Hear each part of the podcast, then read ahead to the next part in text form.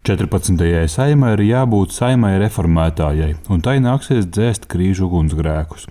Tā pirmajā jaunā parlamenta sēdē pauda valsts prezidents Egils Levits. Iepriekš deputātu mainība bija mazāka, bet no 13. saimas tautas kalpiem jaunajā sasaukumā ir ievēlēta tikai ceturtā daļa. Levits brīdināja, ka līdzīgi var notikt arī nākamajās saimas vēlēšanās. To ir labi sev atgādināt tādēļ, lai liktu jums šos dotos četrus gadus četrus gadus strādāt koncentrēti un atbildīgi, lai paveiktu kaut ko tādu, par ko 2026. gadā šīs saimas pēdējā sēdē jūs varētu sev un sabiedrībai teikt, mēs esam paveikuši kaut ko tādu, kas valstī ir nācis pa labu. Politikas vērotāji piesardzīgi atzinuši, ka šajā jaunajā sasaukumā darbs būs prognozējamāks, jo ievēlēti vairāk pieredzējušu cilvēku. Viņiem jārisina energoresursu un citu izmaksu pieauguma sekas, un jāmeklē veidi, kā palīdzēt ķert rokā pārējo Baltijas valstu attīstības rādītājus. Jaunajā saimā ir četri jauni politiskie spēki - progresīvie, stabilitātei, apvienotais saraksts un Latvija pirmajā vietā. Pēdējos divos gan vairums ievēlēto ir lielajā politikā norūdīti. Saimā ir ievēlēti četri esošās valdības pārstāvji, kā arī divu senāku laiku ekspremjeri. Deputātu vidū ir vadošos amatos valsts pārvaldē un citās jomās pieredzējuši cilvēki. No visiem saimā ievēlētajiem augstākās izglītības nav astoņiem deputātiem. Pirms četriem gadiem tādu bija divkārt mazāk.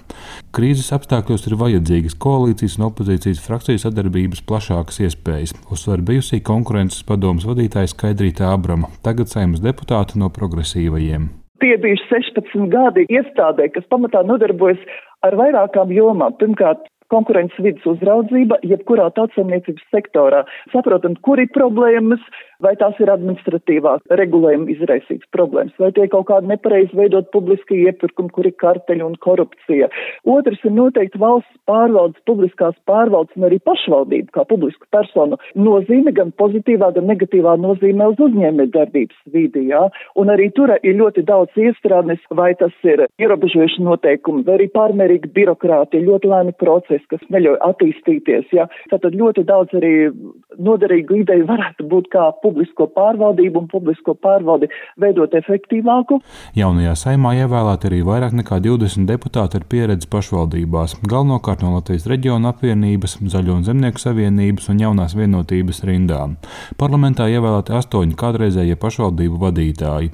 Bijušais Masalats novada domas priekšsēdētājs Harijs Rokpelns no Zaļo un Zemnieku savienības atzīst, ka darbs saimnes opozīcijā ierobežos iespējas realizēt lielus plānus, piemēram, par traucējošu administratīvu administratīvā sloga mazināšanu. Viņš gan cer, ka jēdzīgas idejas izdosies realizēt esot arī saimnes opozīcijā. Praktiskās lietas, kam gribētos pieķerties, iekustināt, kas ir likuma devēja iespējās ietekmēt, ir, piemēram, kreditēšanas iespējas reģionos, vai nu izmantojot Altumu kā kreditēšanas iestādi vai kā galvotāju devēju, lai, lai dotu garantijas komercbankām kurš šobrīd visu, kas ir ārpus jauno novadu centriem, uzskata par neperspektīvām teritorijām, no nu, tā kā valstiskums ir mazliet jāpieliek plecs Savādāk visi brīdamies, ka tur lauki izmirst un cilvēki brauc prom. Tā pašā laikā iespējas cilvēkam, kurš vēlas tur dzīvot, tādas konvenciālas iespējas tad darīt nav, ja tu neesi, zini, tur mantojumā saņēmis lielu naudu.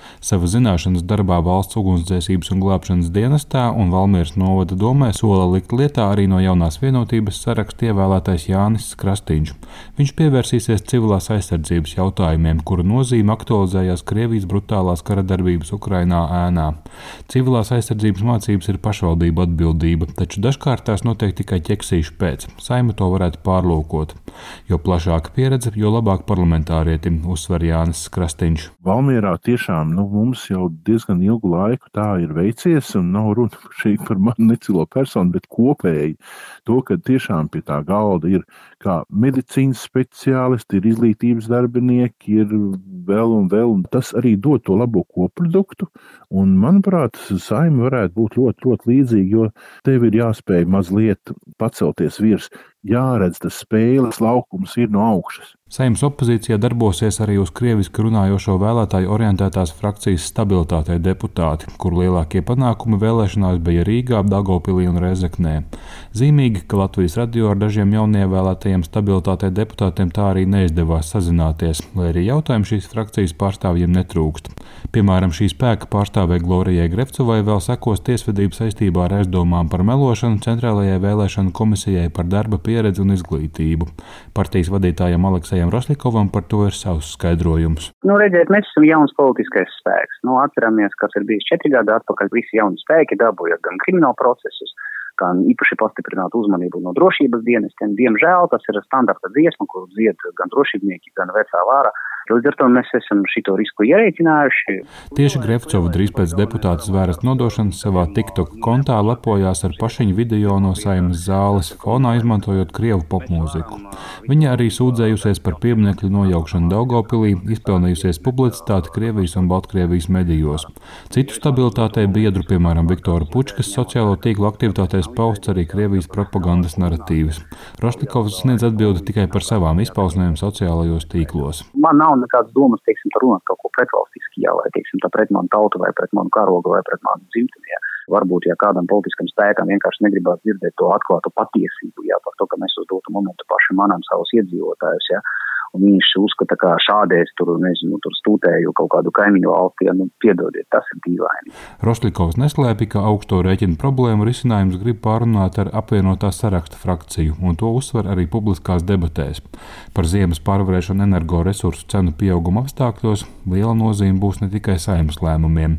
Šajā kontekstā uzsvērts jaunveidojumās klimata un enerģētikas ministrijas ieguldījums, par ko atbildību varētu uzņemties jaunā vienotība.